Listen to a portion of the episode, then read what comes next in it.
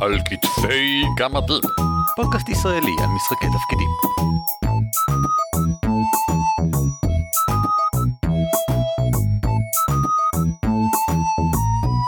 שלום וברוכים הבאים לפרק 175 של על כתפי גמדים. פודקאסט ישראלי העוסק במשחקי תפקידים זה 175 פרקים? לא ולא, בערך 190 כי גם עשינו פרקי בונוס. שמי הוא ערן אבירם. ונעים מאוד, אני אורי ליפשיץ. הפעם אנחנו מדברים על מייל שקיבלנו ממש לאחרונה מאחד שמו עומר רביב. שאת שמו אתם כבר אמורים להכיר כי הוא דיבר איתנו בעבר פה ושם ואני חושב שהוא הופיע פחות או יותר בכל הגמדים חופרים שלנו. כותב לנו כך עומר רביב. שלום לגמדים המופלאים. שלום גם לך עומר רביב. לאחר אייקון עמוס ומלא חוויות, ואחרי שהנחיתי ארבעה משחקים בכל הכנס, עלתה לי בעיה שנתקלתי בה במהלך המשחקים שמאוד הציקה לי כמנחה. כמעט בכל הרפתקה מוכנה, יש הרבה מאוד טקסט של מידע שאני כמנחה סלש דבש מעביר לשחקנים, אבל לעיתים קרובות הוא רשום כולו כבלוק של טקסט ארוך ותיאורי. בתור אחד שמעביר המון הרפתקאות מוכנות, זה מאוד חשוב לי שיהיה לי את כל המידע שאני כמנחה צריך לדעת להעביר. אבל הבעיה היא שאני לא נהנה להקריא לשחקנים שלי חצי עמוד של טקסט שמתאר את כל הסצנה, או שהדבש מציג את עצמו או שופך את כל סיפור חייו. זה לוקח מהפוקוס של השחקנים, ולרוב קורה שיש כמה דקות שלמות בהן אני מדבר ללא הפסקה, וללא הזדמנות לשחקנים לדבר. ניסיתי לצמצם מונולוגים שכאלה ולשאול שחקנים אחרי המפגש מה דעתם אבל לא הייתה היענות רבה מצד השחקנים. איך אתם נמנעים מנאומים ארוכים כמנחים בלי לאבד מידע קריטי מההרפתקה? תודה על העזרה, המשיכו בעבודתכם נאמנה ומי ייתן וספלכם לעולם לא יתעדכן. עומר רביב. קודם כל, אם הוא לא רוצה לשפוך המון טקסטים לקהל שאינו מגיב, למה הוא הלך להיות שחקן בתיאטרון קלאסי? הרי לבטח יש אמצעים יותר טובים לעשות זאת, כמו הנחיית משחקי תפקידים, או... אה, רגע, הבנתי את השאלה, אוקיי. יופי. אוקיי. כי הוא מנחה, הוא לא שחקן, בסדר. אז באמת שזאת בעיה, אה, אני לא יודע אם יחסית נפוצה, אבל מאוד ברורה מאליה לכל מי שבא להריץ הרפתקה מוכנה, בגלל שמקבלים בלוקים של טקסט שנוטים להיות די ארוכים, mm-hmm. ואתה כאילו מצופה להקריא אותם לשחקנים. אז דבר ראשון, אני אגיד איך אני פותר את הבעיה הספציפית הזאת ואז אני ארחיב ואנחנו נרחיב בכלל לגבי שפיכת מידע אל השחקנים נושא שדיברנו עליו לפני מאות פרקים אני רציני לגמרי כי אני חושב שזה היה באזור פרק 17 או 16 ונחזור ונדבר עליו שוב פעם עכשיו קצת בגישה קצת אחרת. אז דבר ראשון כשאני מקריא את הטקסט אני עוצר בערך כל שתי שורות ומרים את המבט מסתכל על העיניים של השחקנים ואומר איזשהו משהו אחר. זה קורה לי הרבה עכשיו כשאני מריץ משחקים אה, מוכנים כל שבוע של אה, ליגת ההרפתקנים אה, שבהם אני צריך גם להקריא באנגלית אז זה עוד יותר בא לי אה, בקלות בגלל שלהקריא באנגלית הרבה לאורך זמן אה, לפעמים קצת מבלבל אותי. אז אני פשוט עוצר כל שתי mm. שורות אני בכל מקרה מעדיף קצת לעצור ואני מסתכל למעלה ומוסיף איזשהו משהו למשל אני לא מקריא בדיוק ממשהו שיש לי כרגע אבל בגדול. מבין העצים אה, מופיעה דמות אה, בלתי נראית שמתגלה לעיניכם מלמעלה ולמטה אה, כמין יצור מעופף עם כנפי פייה. אני מרים את העיניים לקוסם שלנו ואני אומר, אתה מזהה את זה, זה פיקסי. אי אפשר לפספס, יש לו את כל המאפיינים הברורים של פיקסי וזה. ואז אני חוזר להקריא. עכשיו, אני לאו דווקא מקריא בדיוק את מה שמופיע אחר כך, כי ייתכן שמה שמופיע אחר כך זה, זהו פיקסי, וזה בדיוק מה שהרגע אמרתי. אז אני עוצר שנייה ומדלג על מה שצריך לדלג. אבל לפעמים לא רשום שזה פיקסי. Uh, לפעמים אני אומר שזה פיקסי בגלל שאני כבר עכשיו מנסה למנוע את המצב שבו אחר כך אני אצטרך להוסיף דברים ברורים מאליהם שמה לעשות לא ניתנו בטקסט התיאורי הזה. כי אחר כך אה, אה, פשוט ברגע שאני אסיים להקריא את הפסקה אחד השחקנים ישאל אה, מה זה הדבר המעופף הזה? ואז אני אגיד לו טוב אם צריך לגלגל לגלגל אם לא צריך לגלגל אז אני פשוט אגיד לו. אז למה לא להגיד לו עכשיו? וגם לקטוע את המונולוג גם לגרום לו להרגיש מעורב גם כשאני מביט בו ספציפית אני גורם לשחקן הזה להגיד אה הדמות שלי מגניבה הדמות שלי יודעת את הדבר הזה. וזה גם תואם לאיך שאני מדמיין את הדמות שלי הקוסם החכם וכן הלאה. אז את הטקסטים אני קוטע, ולא רק במקרים כאלה, גם אם צריך לתאר אזור, איזה אולם גדול, ארבעה עמודים, אני קוטע אחרי שאני מסיים את עניין העמודים, מסתכל למעלה לכולם ומציין, הצללים כאן ממש כבדים, מאחורי העמודים ייתכן שמסתתרים כל מיני דברים. אה, שזה אגב פרט שבגדול הייתי אומר להם שוב פעם בכל מקרה אחר כך וגם ברוב ההרפתקאות המוכנות זה גם פרט שמופיע אחר כך תחת נגיד סעיף ראייה או vision או כאילו הסעיף שמציין כמה חשוך כאן. זה סעיף שבכל מקרה הייתי רוצה שהשחקנים ידעו לגביו כי הם יודעים שזה עוזר להם להתגנב או שמישהו אחר יכול להתגנב זה משהו שאנשים ישאלו עליו בכל מקרה אז אני אגיד את זה עכשיו כי זה גם מוסיף אווירה זה גם נותן ממני משהו כך שהם יודעים שאני לא סתם שופך עליהם מידע הם יודעים שאני הוספתי עכשיו משהו שלא היה מקודם כן היה אבל הם לא יודעים את זה.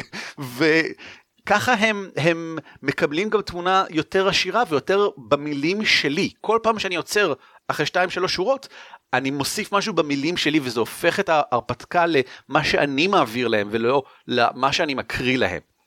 Um, אני הייתי רוצה להוסיף משהו פה.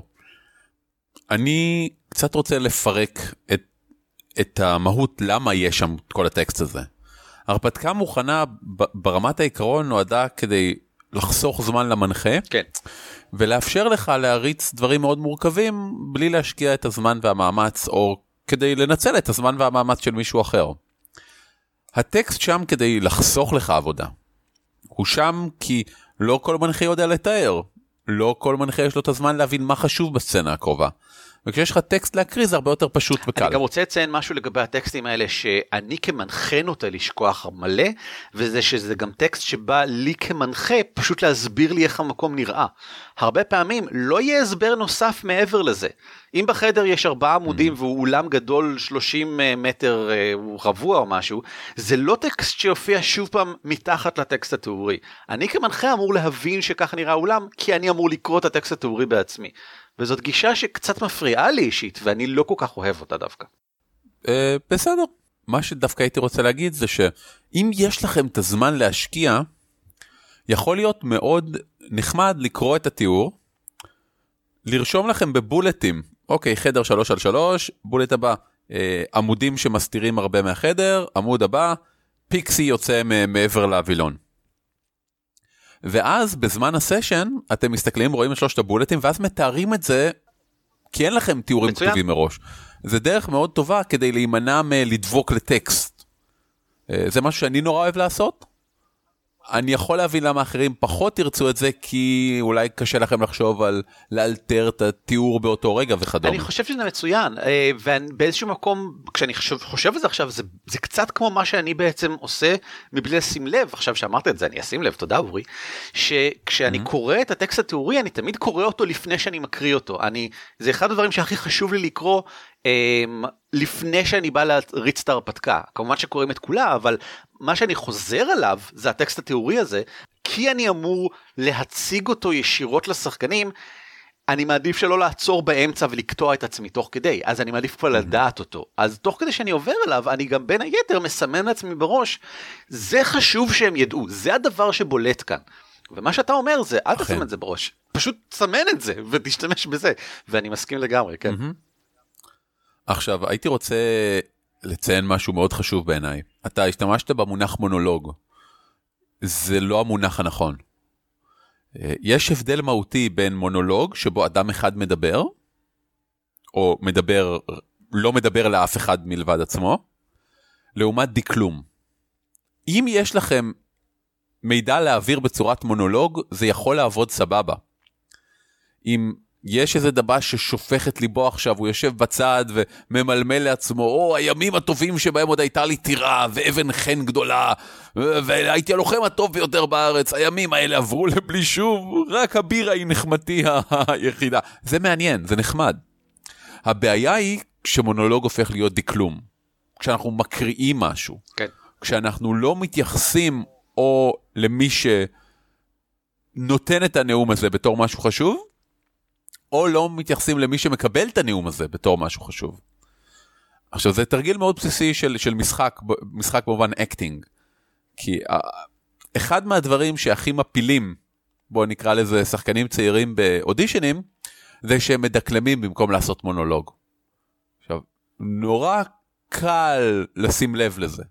זה אחד מאותם דברים שגם אם אין לך שום ניסיון בכלל בתחום, כשאתה מקשיב ומישהו מספר לך סיפור, הוא יכול להיות נורא מעניין או נורא לא מעניין. הוא נהיה מעניין לרוב כשיש קשר אישי, כשיש תנועות ידיים, כשיש התלהבות, כשיש את הניצוץ הזה בעיניים, כשנזכרים במשהו. אז נורא קל להפוך מונולוג, אה, להפוך דקלום למונולוג. סליחה, קונספטואלי זה נורא קל, קשה לביצוע, אבל קל להבין. אז אני תמיד אומר, יש לך טקסט, הטקסט הזה, אתה אמור לדקלם אותו. צעד אחד ליותר מעניין זה להפוך אותו מדקלום למונולוג. צעד הלאה להפוך אותו לעוד יותר מעניין, מה שערן אמר בעצם, זה להפוך אותו ממונולוג לדיאלוג. לערב גם את הצד השני, לתת להם קצת אינפוט. אתה מבחין שזו פיקסי, אה, זה נהדר, זה מכניס את הצד השני לאינטראקציה, למשהו, אולי אפילו לתת לו להכניס חצי מילה, למרות שאתם עוד לא רוצים ממש שזה יהיה דו-שיח, אבל כן שהם ייקחו חלק. כן.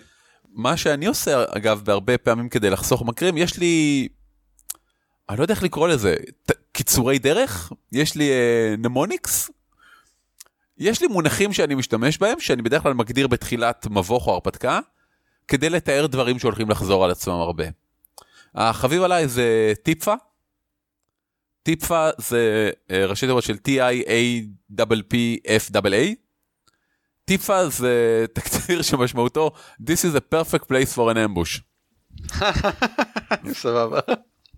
כן, זה, זה נולד מקמפיין שהרצתי, והם כל הזמן טיפסו בין הרים וגבעות בשבילי הרים מאוד צרים, וציינתי במקום אחד שזה מקום טוב מאוד למערב, אז הם חוששים. ואז, שני סשנים אחר כך, אה, היה עוד מערב, ואמרו, רגע, אבל לא אמרת כלום, איך יכלנו לדעת? זה זה. אמרתי, סבבה, לקחתי את תשומת ליבי, ואז כל מקום פחות או יותר שהם היו בו, הייתי אומר, סבבה, יש שביל הרים, אתם מקימים מאורה, יש כאן, יש עץ נחמד, וכמובן טיפה. שידעו, שלא, שלא יתלוננו. תכלס, רוב המקומות בעולם, אם זה לא מישור גדול, שאתה יכול לראות כל דבר שקורה במרחק קילומטרים, הוא מקום מושלם למערב.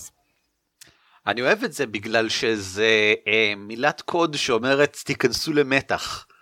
כזאת זה לא זה לא סתם העוב, המצב העובדתי בשטח כאן יכול להיות מערב אלא גם חבר'ה זה שתדעו לכם אתם אתם בעצם קצת חשופים אה, תיכנסו קצת למתח. וזה מזכיר לי משהו שגם אני לפעמים עושה אה, כשבזמן הצגת המידע של האזור של התוואי שטח וואטאבר אני אוהב לפעמים לעשות משחקי חושים שכאלה בכיוון שלמשל. אמ, כשאתם נכנסים לתוך המאהל אפשר לראות כמובן דגלים צהובים על הקירות אה, כסמלו של המלך. רגע הם, הם בעצם לא צהובים הם כולם אדומים. איפה הדגלים הצהובים של המלך? זה נראה לך קצת אה, מוזר. Nice. ו- וזה משהו שמכניס להם את, ה- את המחשבה הזאת עם יד של משהו לא בסדר קצת כמו הטיפה שאומר משהו כאן תיכנסו למתח אז אני משהו כאן לא בסדר תרגישו לא בנוח. אמ, על כן. ידי כך ש... ש- טעיתי בתיאור של משהו כביכול. אה, אגב, לפעמים אולי אני באמת לא, לא טעית בתיאור. אני, אני, חשוב, חשוב להדגיש פה אולי למאזינים, מנחה אף פעם לא טועה בתיאור של, אה, של משהו, המנחה מתאר את המציאות. אז אם המנחה אומר, אתם רואים דגלים צהובים, אה לא, הם אדומים, מה שקרה זה שהדמויות שלכם הסתכלו וציפו לראות ואז קלטו כן. את המציאות שהיא שונה. כן, כמובן, זה, זה לא טעות במרכאות. ואני ו... חושב שזה בדיוק מסוג הדברים ששוברים את, ה, את הדקלום. אני לא יודע אם זה הופך את זה למונולוג, אני גם לא יודע אם זה הופך את זה לדיאלוג, או, או אני חושב שבעצם ב, לפי מה שנתת מקודם זה הופך את זה לדיאלוג בעצם. אה, אבל אני תמיד מדמיין את זה בראש. אני חושב שזה מעל, זה מעל שניהם. ברגע שאתה אומר דבר כזה אתה משתמש בכלי שאין, אין אין בתיאטרון, אני לא מכיר אותו כן, בבמה, כן. זה רק במשחק תפקידים, כי אתה יכול להגיד, תשמעו, תפיסת המציאות שלכם הייתה משובשת. כן, זה גם משהו שקיים במשחקי המחשב, זה, זה כנראה כלי אינטראקטיבי שאפשר להשתמש בו. אגב, הטיפ ה... התנקם בי בסשן האחרון שהרצתי ב-unrelated incidents, אמ, כי נתתי אספקט ל... לאחד המקומות, לטיפפה, כי רציתי שהם ירגישו פחות uh, זה, והם פשוט עשו שם מערב למישהי אחרת. מצוין. Uh, כי כי ככה זה עובד בפייט אתה אם יש אספקט של המקום אפשר לנצל אותו לטובה או לרעה תמיד. בדיוק ברגע שהפכת את זה לאספקט הפכת את זה לכלי כן. גם בידיהם של שחקנים. מסוכן מאוד. which is awesome.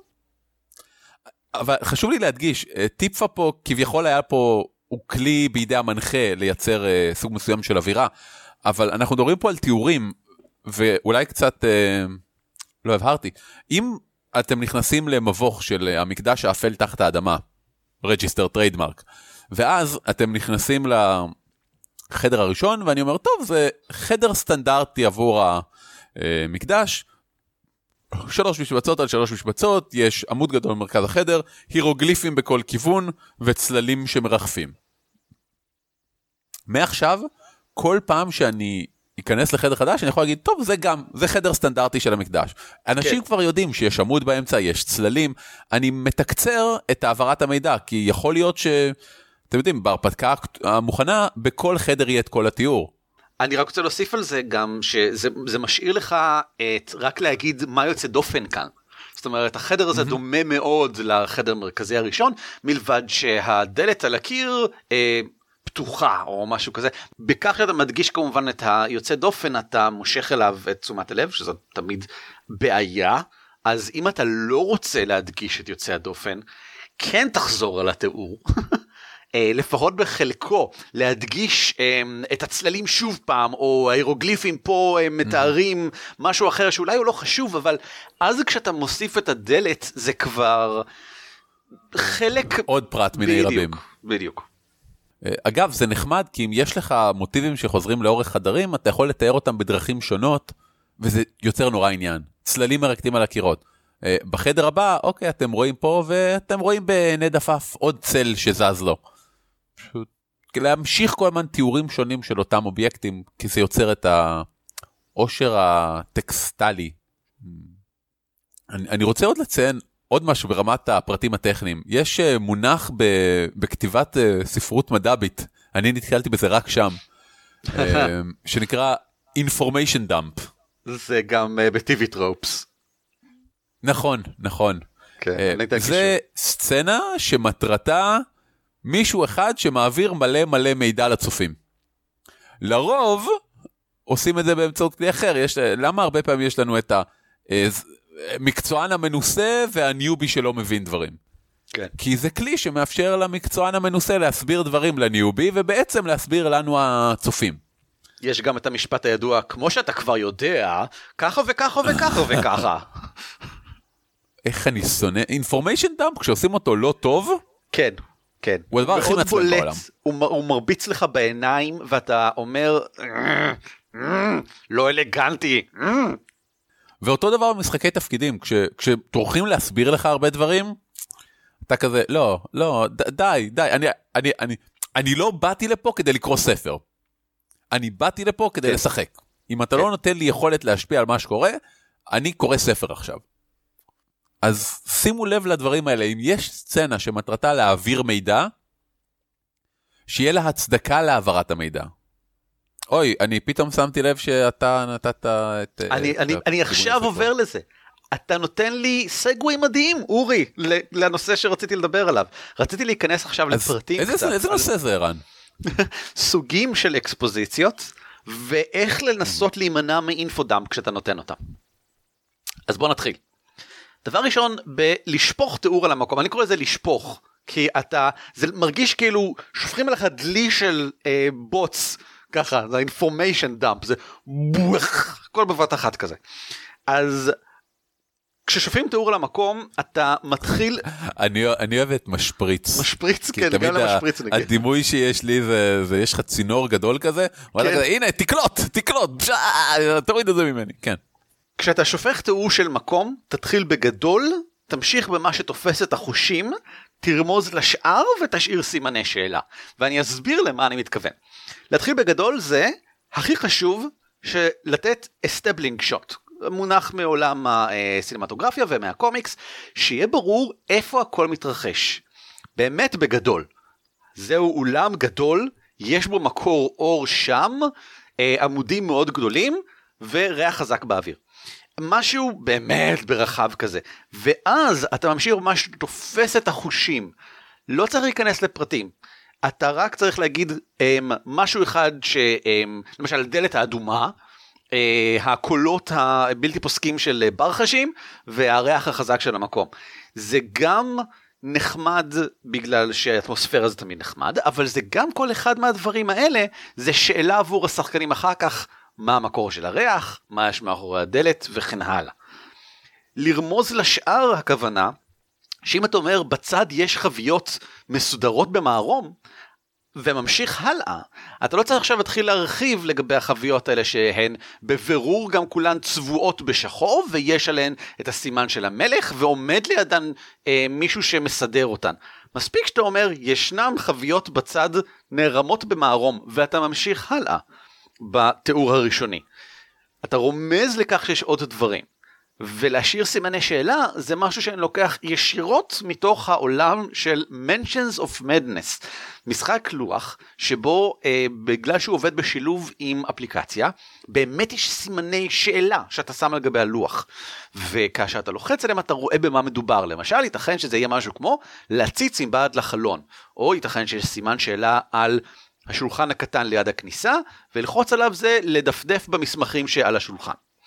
ותשאיר סימני שאלה, תשאיר מקומות ברורים, למשל אמ, בצד השני של החדר אתם יכולים לראות ילד קטן שמתגנב לעבר אה, הרוכל ועומד לגנוב ממנו משהו, או שבצד השני של החדר אתם רואים, למה הכל בתור חדר? נשמע כאילו מה שאני מתאר זה קורה בשוק. אז זה שוק, זה שוק בתור חדר. ובצד השני של החדר... שוק מקורה ענק. מקורה ענק. יש כיתוב גדול בכחול על הקיר. אבל רובו מוסתר על ידי אה, כל מיני וילונות וכאלה מהשוק. אני אומר להם מה, על מה ללחוץ, מה הם סימני השאלה הבולטים בחדר. אני יכול להרחיב על כל אחד ממיליון הדברים האלה יותר, אבל אני לא רוצה, אני רק רוצה לסדר את תחילת הסצנה, דמיינו את זה כמו במשחק מחשב, ברשותכם.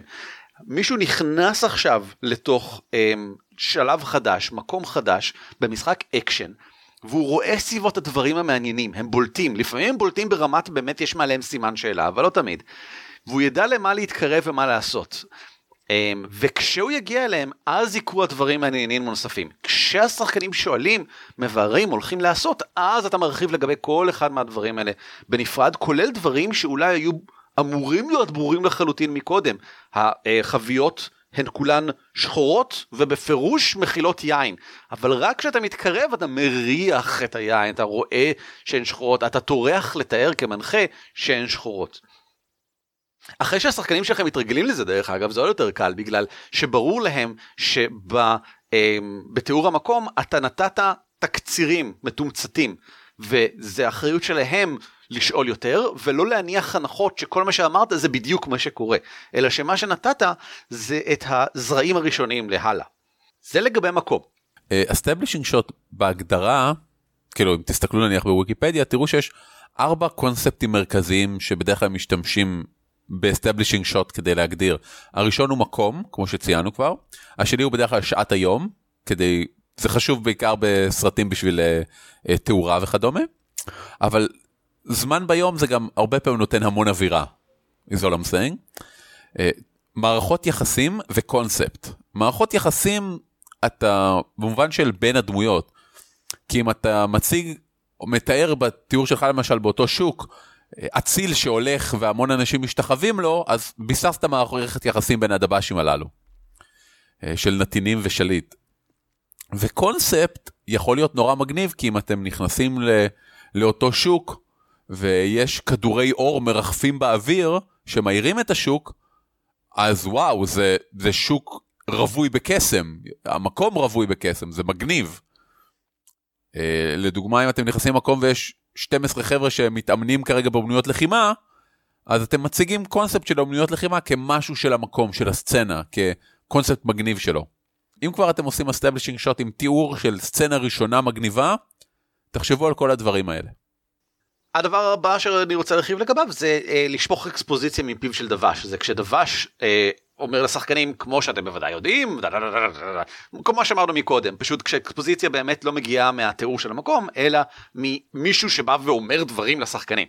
אז אני חושב שבגדול דברים שכאלה ראוי למתוח לאורך זמן. למשל אם הדמויות מגיעות לעיר חדשה אז בוא נגיד שיש חמישה דברים עיקריים שאתה רוצה שהדמויות ידעו על העיר הזאת.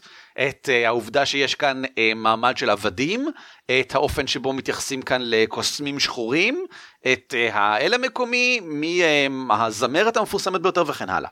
אז תתחילי להציג את הדברים האלה כבר עם ההתקרבות לעיר. כבר אז הם רואים שלטים של מהללים את הזמרת המפורסמת, כשהם מגיעים לשער הם רואים את העבדים באיזשהו מקום וכן הלאה וכן הלאה. זאת אומרת, במקום שיהיה את הדבש שמציג לדמויות את כל מה שקורה בעיר, פשוט תשפוך את זה לאורך זמן. אמ, אט אט כזה. מעבר לכך אתה גם יכול לעשות את הטריק הקלאסי להגיד שהדמות כבר יודעת את זה. אתם מגיעים אל העיר מתקרבים אליה ואתה אומר טוב אה, אתה היית בגדול באזור הזה, או מישהו מהמשפחה שלך היה כאן, מי, או מתי היית כאן, או למה אתה יודע את הפרט הזה, ואז אתה נותן כמה פרטים שהדמות הזאת יודעת. אה, אם אתה באמת רוצה, אתה יכול פשוט ללכת בגרסה הכי פשוטה ולהגיד, טוב, גלגלו ידע היסטוריה ונראה מה אתם יודעים על העיר הזאת, שזה מבחינתי מצוין ואני משתמש בזה מלא, אה, בתור בסיס. הדבר הבא זה לשפוך אופי של דבש, שזה מה שעומר התלונן עליו אה, ספציפית במייל, אה, על כשהדבש מציג את עצמו ושופך את כל סיפור חייו, כמו שהוא אמר. אה, אני חושב שהפתרון כאן הוא show don't tell.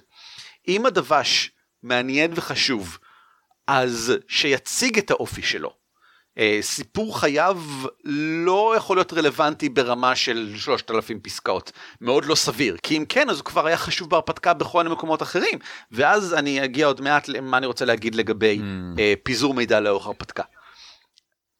אם הדבש הזה הוא דבש מעניין וחשוב, שיפגין את מאפייניו הבולטים, שייתן אותם כאשר הם רלוונטיים.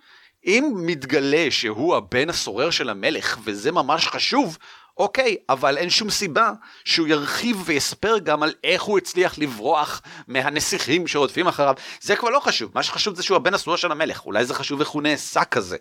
אבל זה כנראה המקסימום שרלוונטי כרגע.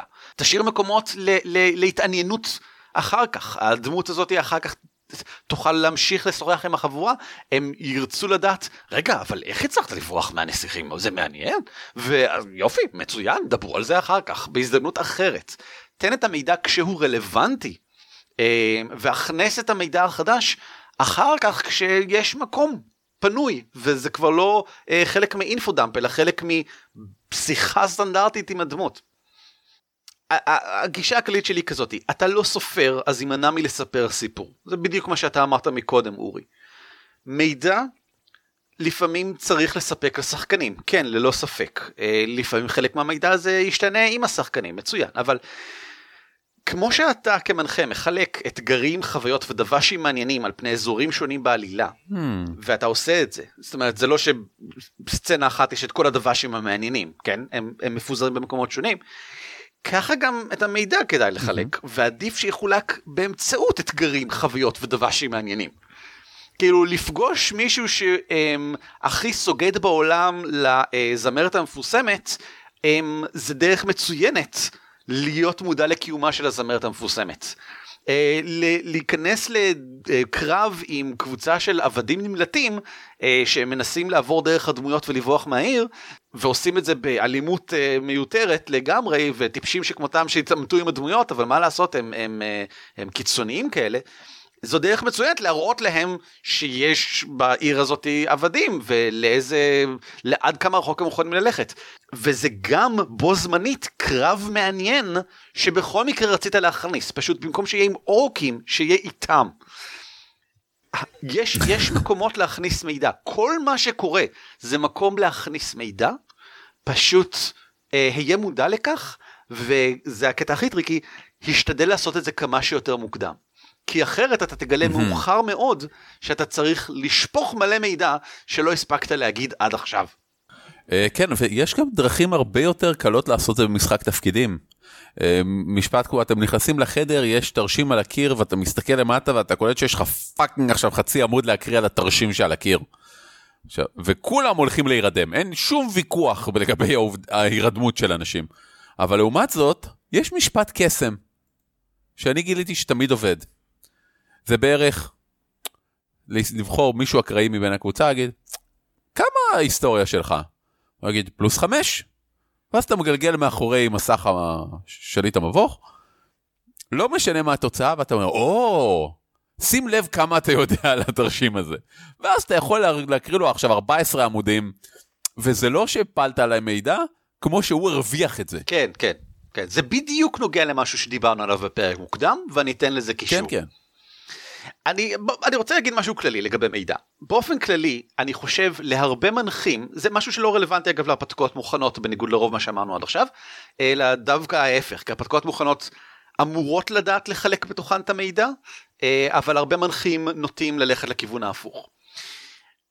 בגדול הרבה מנחים אה, מנסים לחסום את המידע, מנסים לטפטף רק את מה שצריך, אה, בקטנה ככה פה ושם, בגלל שהם רוצים שזה ייחשף בהפתעה, והם רוצים ליצור איזושהי דרמה, והם רוצים שזה הכל סבבה, אבל זה, זה לא, זאת לא הדרך הנכונה לעשות את זה, לטעמי. מידע צריך לזרום. אם השחקנים צריכים לחשוף את המזימה של הנסיך אה, ל- להרוג את יורש העצר החוקי הנסתר, חייבים שהשחקנים ידעו על קיומו של יורש עצר חוקי נסתר. זה לא אמור להיות הפתעה מזעזעת, זה אמור להיות די מוקדם. עכשיו, אולי המלך יהיה המום לגלות את זה. ואפשר יהיה לעבור את חוויית ההתגלות המופתעת וכל הדבר הזה בהמשך, כן, בהחלט. וזה מזעזע ומדהים, והשחקנים, אני מזכיר לכם שהשחקנים הם מי שאתם משחקים אולם לא הדמויות, השחקנים יחושו את זה כשזה קורה, גם אם הדמויות יודעות את זה כבר אלף שנה. אם אכפת להן מהמלך כמובן. לחלופין, אם mm. כן חשוב לך שזאת תהיה הפתעה מזעזעת, אם אה, עצם קיומו של יורש עצר חוקי זה מטורף, מטורף, אין בעיה, בסדר. אבל לא ייתכן שהשחקנים פועלים לקראת משהו שהם לא יודעים עליו כלום. אז אתה חייב להכניס תת מזימה לפני כן. דיברנו על הקונספט הזה של להכניס תת או על, להכניס דברים לפני, אה, להכניס דברים בין לבין, אה, מזימות על גבי מזימות. את הפרטים משהו שאת הפרטים הבסיסיים שלו אתה כן תרגיש בנוח לשתף. כי השחקנים והדמויות חייבים שיהיה להם בראש משהו לפעול אליו, משהו שהם מרגישים בנוח עם כמות המידע שיש להם לגביו. אני חושב שדוגמה מאוד טובה זה הרבה מהאדוונצ'ר פאת' של פאת'פיינדר. Rise of the Runelords, אורי שאתה משחק עכשיו, התחיל בהרפתקה כן. שלמה שבה מה שקורה הוא גובל בלא רלוונטי לחלוטין למזימה הסופית של ההרפתקה השישית. אבל הוא mm. השלכה של השלכה של זה.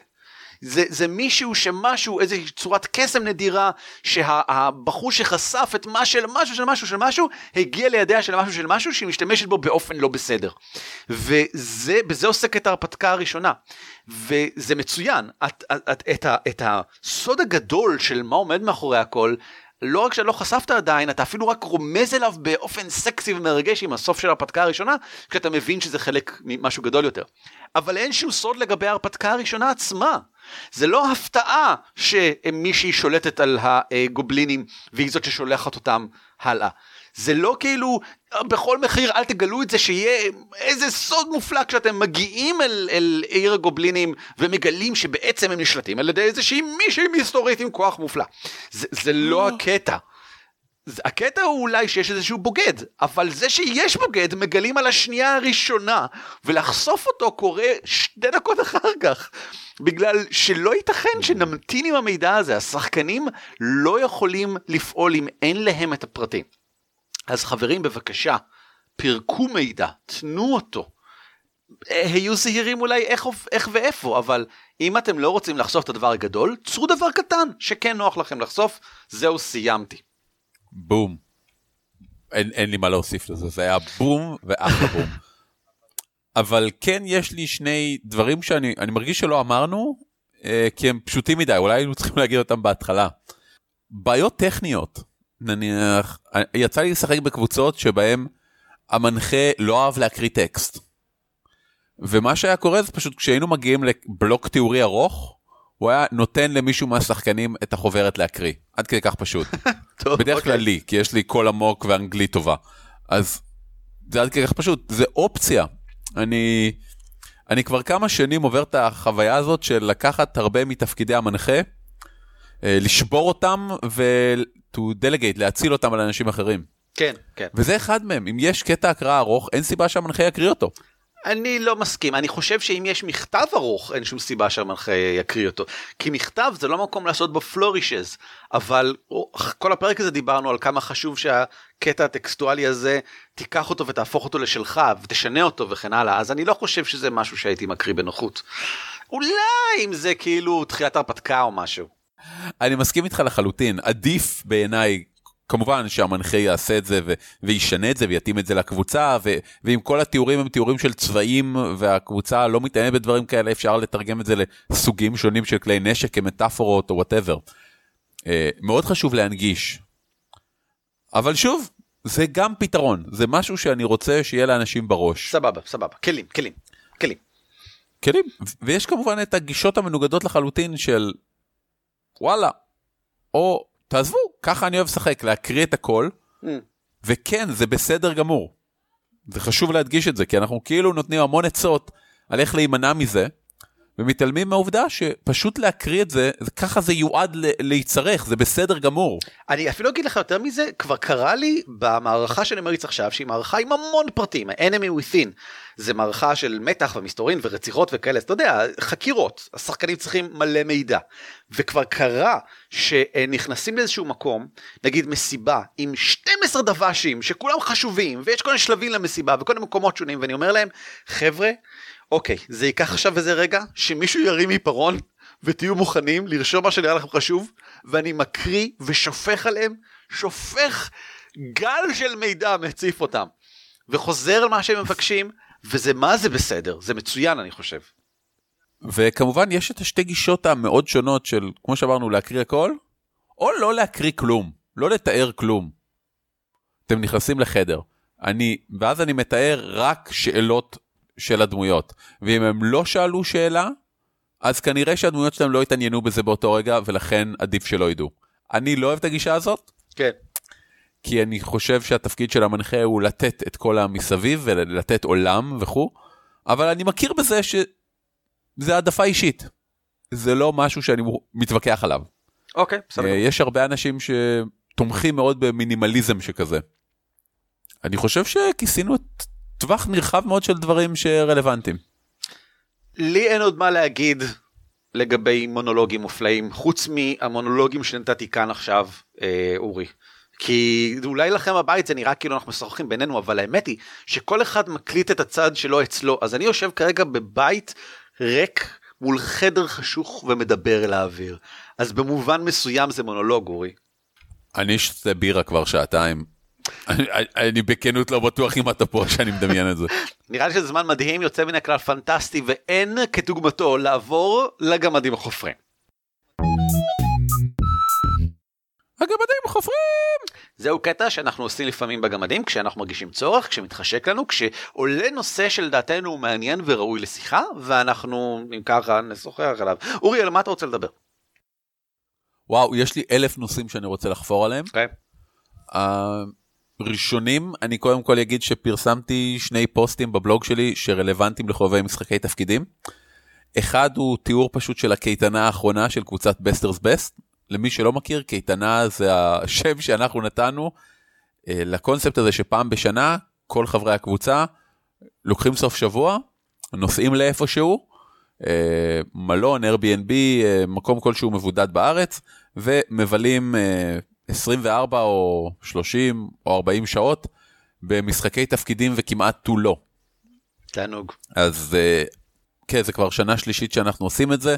למען האמת זה היה כל כך מצליח שהשנה גם עשיתי את זה עם קבוצת Unrelated Incidents שלי וגם היה מאוד מוצלח. אז בכלל, נהדר. אז אם אתם רוצים קצת לשמוע על זה או קצת לקבל עצות על איך לעשות זה עם הקבוצה שלכם, אנחנו נפרסם uh, לינק כמובן בהערות הפרק. אה, או שפשוט תחפשו נעים מאוד ותגיעו לבלוג שלי.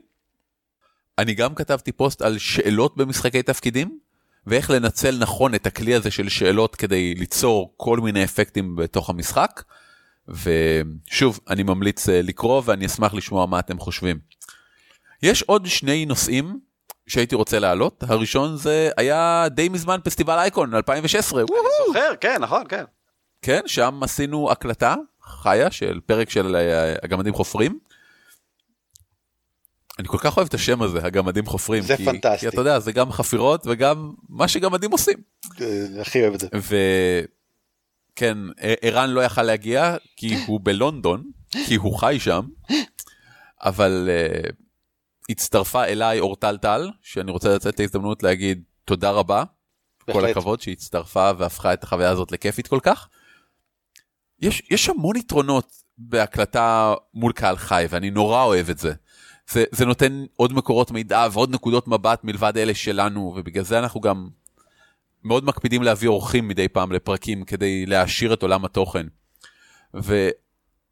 והרעיון של הפרק שהקלטנו, אם עוד לא שמעתם אותו, היה חוויות שריגשו את, אתכם בתור שחקנים. ואז לנסות לנתח ביחד למה הם היו כל כך מרגשים הרגעים הללו. וזה רעיון שלקח לנו הרבה זמן להגיע אליו, ל- ל- לקחת את כל הרעיונות האחרים ולהגיע בדיוק לזה. ואני מאוד אוהב את זה, כי בעיניי זה מקסם את היתרונות של קהל, של קהל אינטראקטיבי שאפשר לדבר איתו. כי זה גם לקחת דוגמאות מהחיים, גם לשמוע סיפורים מעניינים שאולי נותנים רעיונות לאנשים, ומעבר לכך, לעבוד עם הקהל הזה, לנסות להבין למה זה עבד טוב. הנה אירוע שגרם לתגובה רגשית חזקה אצל שחקן. למה? איך אפשר לשחזר את ההצלחה הזאת? מה השחקן חושב על זה? ושוב, זה, לי לפחות זה עשה המון סדר בראש, פתח לי המון רעיונות חדשים. אז תודה לאורטל טל, תודה רבה לכל מי שבא להקלטה, היה לנו המון, היה כן. איזה 50-60 איש בה- בהקלטה הזאת. כן. תודה רבה לכם שבאתם, תודה רבה לכם שאתם מאזינים, ותודה רבה לכם שחלקתם את החוויות מהמשחקים שלכם. אני פשוט לא יכול להגיד את זה באופן שהוא לא פלצני, אז אני פשוט אגיד את זה באופן כן פלצני, אני מרגיש כאילו בזה שבאתם וחלקתם איתנו את החוויות שלכם, גרמתם בפוטנציאל לכל שחקן משחקי תפקידים בארץ, שיהיה לו חוויה קצת יותר טובה. ותודה לכם על זה, זה, זה נהדר שהתחביב הזה מתקדם כל כך. ואני רוצה להגיע לנושא האחרון שאני רוצה לחפור עליו. אזהרה, אולי נצטרך להפוך אותו לפרק נפרד, כי הוא כל כך, כל כך מטורף. או-אה, אני או-אה. רוצה לדבר על אסטוניה המדינה. אסטוניה היא מדינה קטנה באירופה, יש להם במצטבר איזה 40 שנות עצמאות מתוך ה-100 ומשהו שהם קיימים. ואני הייתי שם לפני, אה, ממש מיד אחרי אייקון, יש שיגידו תוך כדי אייקון, ביום, ה- בלילה בין היום השני והשלישי של אייקון טסתי להופיע שם בפסטיבל האימפרוב של אסטוניה, שהיה נהדר וכדומה, אבל זה לא הנושא. ואני רוצה לדבר על שני דברים שהתרחשו שם. אחד, זה אני וקבוצת למבט, חברי קבוצת למבטי ש... שבאנו, הלכנו לארוחת צהריים במסעדה. למסעדה קראו אולדה הנזה, הנזה הישנה, והיא מסעדה בתמה של ימי הביניים. עכשיו, אני אבהיר כמה דברים. אחד, כן, זו מלכודת תיירים לחלוטין. בכיכר המרכזית של העיר, בום, אה, כל, המחיר, כל המחירים היו פי ארבע ממה שאפשר היה למצוא במקום אחר, וזה היה שווה את זה. למדתי כל כך הרבה מהמסעדה הזאת. קודם כל, הם השתמשו בהנדאוטס. התפריטים היו מעוצבים, כן. היה להם המון, אה, מה שאנחנו קוראים לו צבע, אה, המון פרטים אקסטרה מעבר. השפה הייתה ארכאית, אבל לא מספיק כדי שלא תבין, והתיאורים היו מאוד מאוד מאוד יפים, אפילו ברמה של בסוף, אה, לא היה כתוב טיפ או משהו כזה, היה כתוב, אם במקרה נשארו לכם מטבעות מיותרים או אורות של סנאים בכיסכם, הצוות ישמח לקבל אותם. אדיר, אדיר. כן, העורות סנאים, הפירוט הזה, כן. squirrel skins, ממש קנה אותי. אז שוב, הם משתמשים ב handouts וזה יפהפה. התשומת לב לפרטים שם הייתה יוצאת מן הכלל. השירותים היו גם בתמה ימי ביניימית. חור בחוץ. ו... לא, לא, לא, הם היו מאוד מאוד מודרניים והכל, אבל הכל היה מצופה עץ, וגם המכסה של האסלה היה עץ פשוט כזה. רק כשהרמת ראית שבפנים יש אסלה מודרנית, אה, תודה לאל וכו'. אה, הכפתור שמוריד את המים היה שרשרת ישנה כזאת. הכל, הברז היה מים שטפטפו לתוך אה, מין סיר כזה, שיכלת להטות על הצד ואז היה נשפך מטה. אוי, זה אדיר. אז הסיר היה מתמלא, זה היה מאוד יפה, הפרטים הקטנים. המקום כולו היה מואר בנרות בלבד. שזה נהדר, מכניס אותך לאווירה תוך שנייה. כן, אתה צריך להתאמץ קצת יותר לקרוא את התפריט, אבל אתה מרגיש שאתה מקבל חוויה, ולא רק uh, כאילו. כן, יפה מאוד. הצוות היה נורא נלהב. המלצר שלנו, איך שהוא הגיע, קודם כל חיוך אדיר, אה, אה, מטיילים, מאיפה באתם בעולם? או, בטח אה, אה, הלכתם ימים או שבועות רבים עד שהגעתם לכאן, וכדומה וכדומה. וכל ההמלצות מתובלות עם אותם uh, משחקי מילים מהתפריט. העיצוב של המקום, הבגדים, התפאורה, הכל היה מאוד באותו ראש ועם תשומת לב לפרטים. ואני פשוט, כל פעם שקרה שם משהו, חשבתי לעצמי, וואו, את זה אני יכול לקחת למשחק שלי. את זה אני יכול להשתמש בתיאור של מקום. Uh, המגע של העץ, הכל היה עשוי מעץ. וזה דבר כל כך יפה לתאר את המרקמים השונים של העץ של כל דבר. הכיסא במרקם אחד, השולחן במרקם אחד, המעקה של המדרגות במרקם מאוד חלק, כי כל הזמן נוגעים בו ומושכים וזהו. אני, אני יודע שבראש שלי יש לי עכשיו תיאור של מסבעה ימי ביניימית שאני יכול לשלוף מתי שאני רוצה. אז. אני אומר את זה גם כטיפ נהדר לתחוו את החוויות האלה כדי שיהיה לכם משהו מהעולם המציאותי לתאר כשתצטרכו אותו. וגם תנסו לסגל לעצמכם את המושג הזה של הנה משהו מעניין שאני יכול לקחת כדי ליצור אווירה, כדי ליצור וכדומה. אה, שתדע לך שעמית בלום, המפורסם מהפרק מי אתה עמית בלום, העיר הערה ממש לפני כמה שעות מהרגע שאנחנו מקליטים את זה, על פרק 145, אה, מונומנטים ונקודות ציון, שאמור להיקרא אנדרטאות ונקודות ציון, אבל בסדר, אם כבר ככה, יישאר ככה. שבו הוא מדבר על איך הוא חזר משבוע בפראג, והוא מתחבר נורא לפרק הזה, בעיקר שעכשיו הוא זוכר כל מיני דברים מעניינים שהוא, שהוא היה חשוב לו בזמן שהוא הסתובב בפראג להגיד לעצמו, או זה מעניין, או את זה ראוי לזכור, או זה משהו שראוי להתייחסות. אז זה בדיוק מתחבר לזה, ואני אתן קישור לתגובה שלו, ששם הוא מרחיב על זה קצת. כן, פראג אגב זה מהערים היותר... אה, שיותר קל לקחת מהם השראה למשחקים, אין, אין ספק. הימי ביניימיות נורא בולטת שם. אגב, אה, אסטוניה, היינו ב- בעיר הבירה טאלין, ויש בה את הרובע הימי ביניימי שנחשב לרובע הימי ביניימי שהשתמר הכי טוב מאז ימי הביניים. וואלה. וזה מדהים. פשוט, יש, יש שם את הכמות אה, כנסיות פר מטר רבוע הכי גדול שנתקלתי בה בחיים שלי, שזה מדהים כי אסטוניה היא מדינה מאוד מאוד מאוד לא דתית. זה לא משנה, כן, כן. פשוט אה, איך, איך המדריכה הגדירה את זה יפה, עשינו טור בעיר, היא אמרה, תשמעו, אנחנו, כל פעם שמישהו כבש את אסטוניה, הדבר הראשון שהוא עשה זה לבנות כנסייה. והרבה אנשים כבשו את אסטוניה. ואז כשהתנערנו מכל הדברים האלה, אז אמרנו, אנחנו לא רוצים לשרוף את כל הכנסיות, כי חבל, זה מבנה, בוא פשוט נשתמש בו למשהו אחר. אז יש להם כמות מגוחכת של כנסיות פשוט. אבל לא הייתי באסטוניה רק כדי להסתכל uh, ברחובות ולאכול אוכל טוב, למרות ששני הדברים האלה קרו והיו כיפים מאוד. נפל. אכן. הלכתי כדי להופיע וללמוד עוד יותר טוב לעשות אימפרו, והייתי בשתי סדנאות שלימדו אותי המון. ובסדנה שלישית שלימדה אותי עוד דברים נהדרים שאני לא רואה שום שימוש uh, יצירתי להם במשחקי תפקידים. הסדנה הראשונה הייתה סדנת מגדר עם הילה די קסטרו המהממת שלנו מלמבטי, והיא סדנה שמלמדת אותך איך לשחק את המגדר ההפוך לשלך. חלק נרחב מהסדנה היה פשוט תרגילי מראה, למי שלא מכיר תרגילי מראה זה שני אנשים שעומדים אחד מול השני, אחד מהם מבצע פעולה והשני מבצע את התמונת מראה של הפעולה הזאת. כלומר ממש כאילו אתה מראה. והתחלנו ב...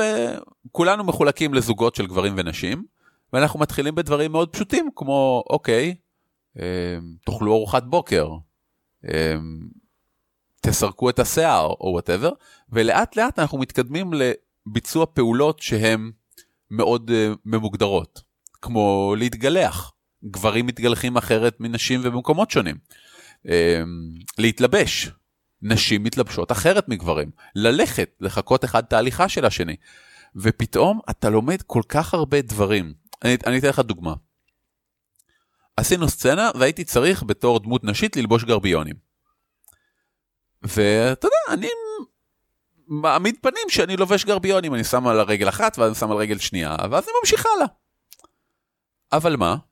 מסתבר שגרביונים, כמו שיודע כל אחד שלבש גרביונים, ואני לא ביניהם, בדרך כלל אתה שם במשיכות קטנות, ואז מותח אותם על פני האור במתיחות קטנות לאורך הרגל. אה, דוגמה נוספת זה חזיות, בדרך כלל אחרי שלובשים חזייה, יש פלו-אפ לתנועה הזאת של לסדר את השדיים בתוך החזייה. עכשיו, יש המון בגדים שלכל אחד מהם יש פלו-אפ מסוים. אה, גבר שהוא מתגלח, אחרי שאתה מסיים להתגלח, אתה מנקה את השאריות של הקצף, זה משהו שאתה לא רואה בהצגות, לרוב, או אישה שמעמידה פנים שהיא גבר שמגלח את הפרצוף שלו כרגע. יש הרבה דברים שאתה רק לומד מניסיון. ואני חושב שכשאתה מתאר פעולה שדמות מסוימת עושה, לדעת הדברים הקטנים האלה עושה הבדל מטורף. כי להגיד, אוקיי, הוא מסיים לגלח צד אחד של הפרצוף שלו, מסתובב אליכם ואומר, אני לא מאמין שהגעתם לפה. זה תיאור נחמד. אבל זה יהיה כל כך הרבה יותר אמיתי להגיד, הוא מסיים לגלח את הפנים שלו, לוקח אה, את המגבת, ואתם יכולים להבחין שנשאר לו קצת קצף גילוח על קצה האוזן, ובזמן שהוא מוריד אותו הוא אומר, אני לא מאמין שבאתם לפה. זה הופך את זה לנורא אמיתי, הדברים הקטנים האלה, שכולנו יודעים שקורה במציאות, אבל לא מודעים אליהם. אמ, אז לשים לב ל... באמת לעשות דברים במציאות, ולשים לב לא לפעולה עצמה, אלא לנספחים שלה. Mm. אני, אני קשה לי לחשוב על עוד דוגמאות, אה, האמת, אבל למשל, ה... כששותים מכוס שיכר, בדרך כלל אחרי שהיא נגמרת, יש את הניסיון להוציא את העוד כמה טיפות. זה תיאור יפהפה, זה תיאור כל כך אמיתי של רגע, שלהשתמש בו במשחק תפקידים, או בכלל בתיאור, הופך אותו להרבה יותר אמיתי. במקום, הוא לקח, לוקח שלוק מהכוס השיכר שלו עד שהיא מתרוקנת ואומר איקס. במקום זאת להגיד, אה, הוא מסובב את הכוס, מנסה עוד להוציא כמה טיפות אחרונות מהכוס הריקה, ולאחר מכן מסתכל ואומר איקס. זה רגע שהוא הרבה יותר אנושי, הוא הרבה יותר כן, אמיתי. כן, אמין, כן. כן, כן הוא, לא, הוא לא מרגיש כמו תיאור גנרי של פעולה. כי יש בו את הפרטים. וזה מדהים, רואים את זה בכל דבר. אני, אני הדבר שהכי שיגע אותי בסדנה הזאת זה שנשים הולכות אחרת מגברים, כן, פיזית. כן, כן, כן, כן, כן. עם העדפות שונות לחלקים שונים בכף הרגל. ואתה פשוט רואה את זה כשאתה מחכה אישה הולכת. אני לא נכנס ללמה או וואטאבר, אבל פשוט להבין שכשאתה, אה, אני על במה משחק דמות נשית, צריך לזוז אחרת עם כפות הרגליים שלי, גורם לי לחשוב על זה, גורם לי להבין המון דברים. אבל יותר מכל, מה שאני לוקח מהסדנה הזאת, זה לשים לב לפרטים הקטנים שהם מסביב לפעולות עצמם. וזה משהו שאני ממליץ לכל אחד. בסדר גמור. יש עוד סדנה שאני רוצה לדבר עליה. בבקשה. עכשיו אני אקצר פה. זה נקרא סדנת Game of Thrones, משחקי הכס, עם ניקול מישלר, אה, מאלתרת אה, מצוינת מאמסטרדם. ותכלס הסדנה הזאת היא מבוא לז'אנרים. שבמקרה מסבירה איך לקחת את הז'אנר של Game of Thrones ולעשות מופע בסגנון הזה. עכשיו אני רוצה לתת המון המון דברים טובים על הסדנה הזאת. אחד, היה לה מבנה נורא ברור, והיא נתנה כלים מאוד פרקטיים ליישום ברגע שאתה רוצה ליישם את זה. Mm, מעולה. שתיים, הייתי רוצה להחמיא לנו, כי הרבה ממה שעבדנו עליו בסדנה הזאת, היו נקודות שהעלינו כבר בפרק על איך לשחק עולמות קיימים. אני לא זוכר איזה מספר. פרק זה. כן, מה שעשינו בסדנה הזאת היה, אוקיי, אז אתם רוצים לעשות סצנות וסיפורים בתוך העולם של משחקי הכס. סטפ 1, בואו נעשה רשימה של דמויות, ש... של סוגי דמויות שהייתם מצפים לראות במשחקי הכס. איך טיפים. כן, והיא רושמת את כולם, האציל, החייל. עכשיו, זה לא ארכיטיפים, כי ארכיטיפ הוא בדרך כלל יותר ממוקד, הוא החייל המשועמם, זה ארכיטיפ. אוקיי. אבל היא אומרת types of character. יש לך חייל, בן אצולה, כהן, אה, איש כנסייה, אה, עני ברחוב, בעל מקצוע, בלה בלה בלה בלה בלה. אחר כך אה, עשינו סצנות ותרגלנו את כולם, בסדר. סטפ 2, מקומות. באיזה מקומות אתה מצפה לראות בתוך הז'אנר הזה? אה, ראש המגדל שמירה, חדר הכס, אה, אורוות, חדר השינה, אה, בלה בלה בלה בלה בלה וכו'. מצוין. נקסט, איזה חפצים ופעולות אתה מצפה לראות? שזה נהדר, זה נהדר, זה נהדר, זה נהדר. כי מאותו רגע והלאה היא אומרת, אף דמות לא מופיעה אם אין לה חפץ ופעולה. זה גם הופך את הבמה ליותר עשירה ומעניינת, ותחשבו גם על כל תיאור של דמות אי פעם. במקום להגיד, אוקיי, אתם נכנסים למסבעה, אתם רואים חצי אלף לבוש בצבעוניות. לא מעניין. לעומת זאת, אתם רואים חצי אלף לבוש בצבעוניות, הוא כרגע שותה את הבירה שלו ומשחק שחמט. כי החפץ שבחרתי היה לוח שחמט, והפעולה הייתה שתייה. זה מעניין, זה הופך, סבבה. נותן engagement, זה, זה נותן קונטקסט, זה ממש סבבה.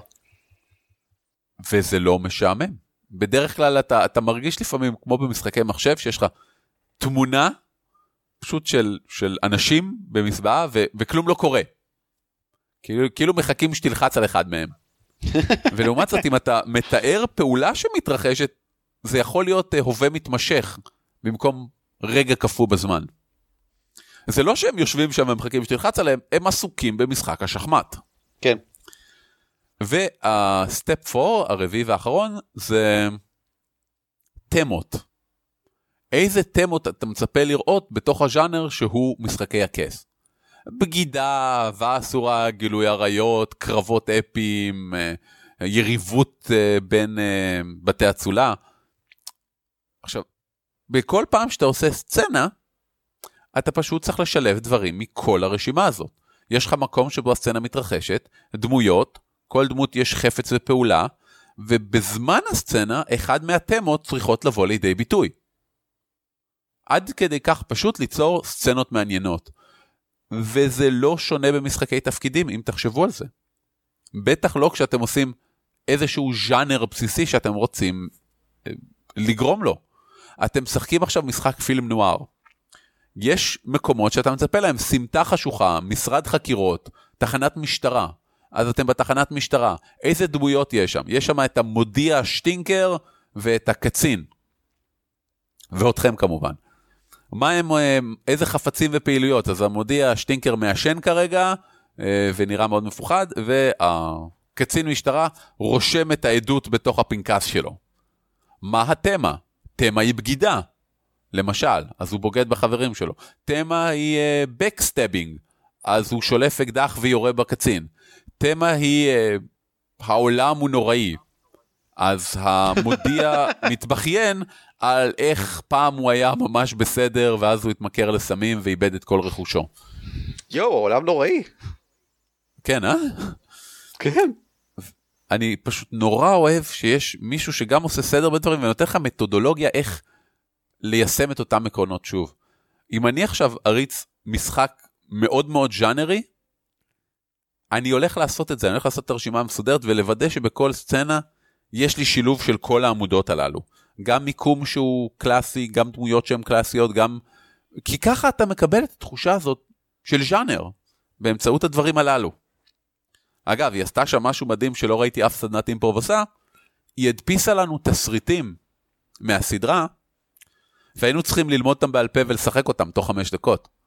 כדי שנתרגל את השפה. אה, מעניין, אוקיי. כן, כי, כי היא אומרת מעניין. שאחד מהמגדירים של ז'אנר זה, זה הרבה לינגו, והיא צודקת, היא צודקת. וזה גם משהו שאנחנו צריכים לעבוד עליו במשחקי תפקידים.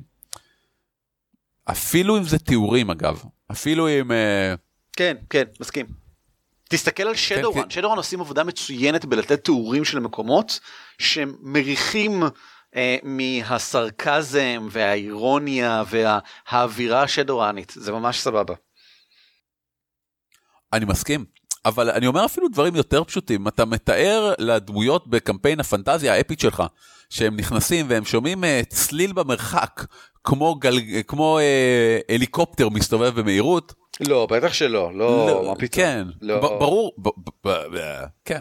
אפילו אם זה הצליל שאתה רוצה, כי יש ארבע וויברנים שמחברים את הזנבות שלהם ביחד ומסתובבים ממש מהר, לא, עדיין אתה לא אומר הליקופטר. אתה לא אומר הליקופטר, לא, אתה לא. משתמש במונחים שרחו... יופי. אתה, כמה שתשתמש במילים שהן יותר קנוניות, יותר ז'אנריות, יותר מובנות, לדמויות, אני כן, חושב שאתה מכניס כן. יותר את השחקנים. אה, בסשן האחרון פשוט תקפו אותנו ארבע וויברנים ואני לא יכול להוציא אותם מהראש שלי. אפרנטלי. כן. אה, כן, זה כל מה שרציתי לומר.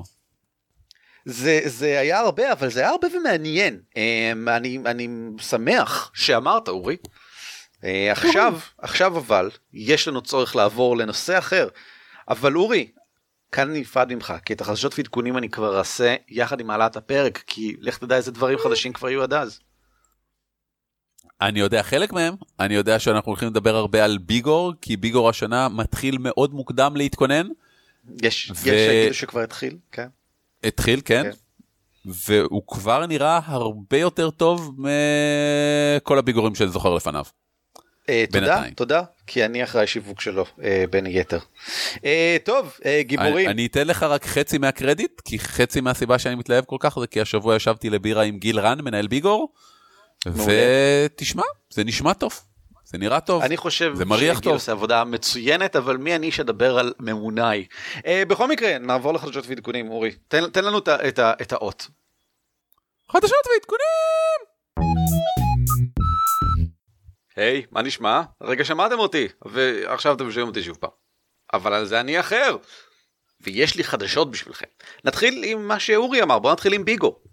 ביום חמישי הקרוב, ממש עכשיו, בשבוע שבו אתם שומעים את הפודקאסט הזה, במידה ואתם שומעים אותו כשהוא עלה, יערכו מפגשי מנחים בכל הארץ. אה, מפגש מנחים הוא, כשמו כן הוא, זה מפגש שבו אנשים שמעוניינים להנחות בביגור, באים, נפגשים ביחד ומחליטים מה הם רוצים להנחות, איך הם רוצים להנחות, יוצרים ביחד את המשחק, יוצרים רק חלקים, נסגרים על עצמם, מגיעים כבר לתקציר מלא, יוצרים דמויות, לא יודע, מה שהם רוצים.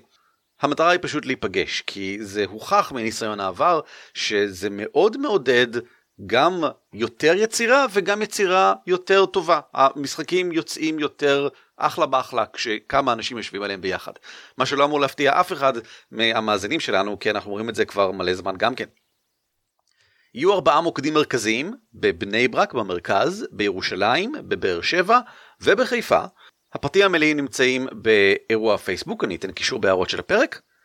אתם יכולים גם לעקוב אחרי העמוד של ביגור בשביל עדכונים, להתעדכן בעצמכם בדברים כאלה, אבל מעבר לכך, אתם גם יכולים פשוט לארגן אחד כזה אצלכם. מפגש מנחים זה בסך הכל מנחים שנפגשים, לא צריך להיות שום דבר רשמי מאחורי זה. אה, שניים שלושה חברים, אה, לא, אפילו לא צריך שכולם יהיו אנשים שרוצים להנחות בביגור, אה, אפילו אם רק אתם רוצים להנחות בביגור, אספו כמה חברים, שבו ביחד, תתחילו לבנות את המשחק. ושילחו לנו תמונה כדי לקבל את קוביית היוזמה שלכם. בגלל שכל מפגש מנחים, כל המשתתפים בו יקבלו קוביית יוזמה. אם אתם לא יודעים במה מדובר, מדובר במנגנון מאוד נחמד לדעתי, אם כי יצוין שהשתתפתי ביצירתו, שבו כל משחק בביגור מקבל קוביות, אה, מק"4 עד ק"20, לפי מידת ההשקעה שניתנה בו. לא כל אחד יכול להשקיע את הכל, זה הגיוני, מן הסתם, אבל המטרה היא לתת איזושהי אינדיקציה לשחקנים כשהם באים להסתכל ולראות בעצם כמה אנשי ביגור יודעים שהושקע במשחק הזה. אם יש לכם או אין לכם קוביות יוזמה זה כמובן לא אומר שהמשחק שלכם טוב או רע בהכרח, אבל בגדול, כדי להשיג קוביות יוזמה, חייבים לעשות דברים שמטבעם משפרים משחק. פרטים נוספים על זה אני אתן בקישור לעמוד קוביות היוזמה באתר ביגור. עוד שני דברים שעלו לאחרונה לאתר ביגו ואולי יעניינו אתכם. האחד זה ולוג של גיל רן, המנהל של הכנס, כמו שאורי אמר מקודם, שבו הוא מנסה להיעזר בכם, בכולנו בעצם, לגבי שאלה מאוד חשובה לביגו השנה, האם לעבור למודל של תשלום לפי יום במקום תשלום לפי אירוע. דעתכם חשובה לנו, אנא, צפו בסרטון וזרקו את מה שיש לכם להגיד לאחר מכן לתגובות. בנוסף כבר עכשיו גם אה, פרסמנו משהו שעומד להיות בביגור הקרוב, חמישה שולחנות פתוחים. אם אתם מכירים את הנוטרים מביגורים קודמים, זה משחק שאפשר להיכנס אליו ולצאת אליו בכל רגע במהלך כל ביגור, הוא רץ כל הזמן. אז יהיו בערך שניים כאלו, ואני אומר בערך בגלל שאחד מהם יהיה על מדע בדיוני, והשני יהיה משהו מטורף שדימה וגנר מריץ על קבוצה של אנשים שיוצאים לצוד מפלצות בעולם אכזרי ומטורף. אבל שלושת השולחנות הפתוחים האחרים יעסקו בדברים שונים לגמרי. אחד יהיה שולחן בשביל לדבר על משחקים.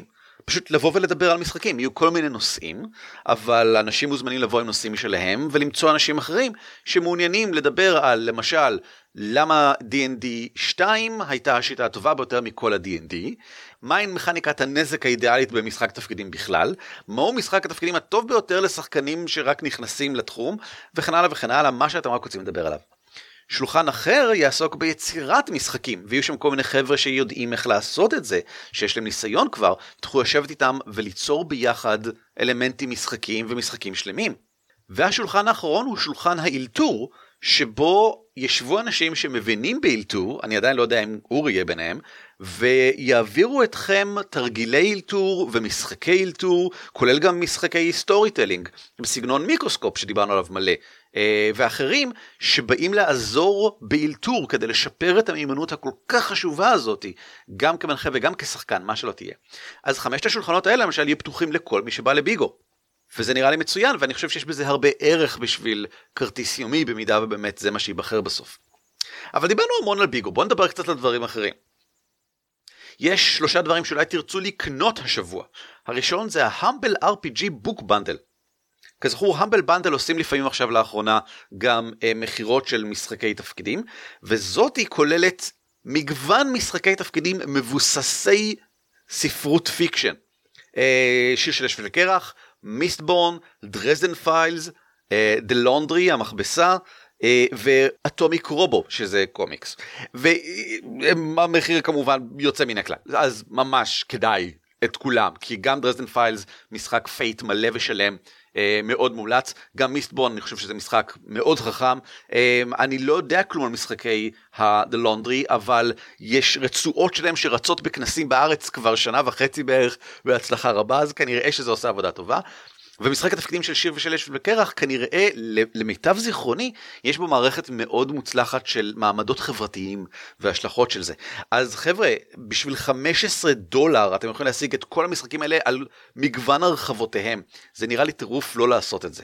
יש קישורים בהערות של הפרק או שתקפצו ל Humble RPG Book Bundle כי גוגל הוא חבריכם. שני דברים אחרים שאולי תרצו לקנות הם שני קיקסטארטרים ולא אני לא מדבר על City of Mist שהקיקסטארטר שלו עדיין רץ ונכון לרגעים אלו נמצא ב-47 אלף דולר אה, עם 910 תומכים אה, ויש לו עוד שבועיים אפילו יותר לרוץ אז מאוד סביר שזה עוד יעלה ויש עוד הרבה דברים מעניינים בדרך אבל אמרתי שאני לא אדבר על City of Mist אז במקום זה אני אדבר על השניים האחרים שעשויים לעניין אתכם. האחד נקרא מונסטר הארטס 2 וזה כמובן מהדורה שנייה של מונסטר הארטס, משחק תפקידים מונע בידי אפוקליפסה שבא לחקות אה, סדרות נוער על טבעי בסגנון של באפי, אבל גם כל מיני דברים אחרים, אפילו בסגנון של אה, יומני הערפדים וכן הלאה, במטרה לשחק על הקטע של האי נוחות וה... אה, מאבק זהות פנימי והמאבק של הבוגר מול המבוגר וזה ממש נחמד. שיחקתי קצת במאנסטר הארץ המקורי, יש להם מערכת מבריקה אני חושב של strings uh, שבאמצעותם אתה יכול למשוך ולאלץ אנשים אחרים לעשות דברים בגלל שיש לך uh, קשר רגשי איתם. Um, אז לכו ותבדקו בבקשה את Monsterhearts 2 זה יוצרת שעושה הרבה דברים טובים בין היתר את השנה השקטה ומאוד ראוי אני חושב לממן אותה וה Kickstarter השני הוא Bluebeard's Bride, משחק שמאוד עניין אותי כששמעתי את הפרק שלו ב One Shot Podcast, בגלל שזה משחק שבו תמיד משחקים את אותו דבר, את הסיפור של Bluebeard, למי שלא מכיר, מדובר באיזשהו מישהו מאוד עשיר, עם זקן כחול, אני לא יודע למה, שמגיע ונושא לאישה איזושהי בחורה צעירה מאיזה כפר איפשהו, והוא לוקח אותה אל טירה, והאחוזה המפוארת שלו, ויש לו מיליון אה, חדרים מופלאים, והוא נותן לה מפתחות, ואומר, הנה עם המפתחות האלה תוכל לפתוח את כל האחוזה הזאת, את כל החדרים, אבל אל תפתחי את הדלת בקצה המסדרון.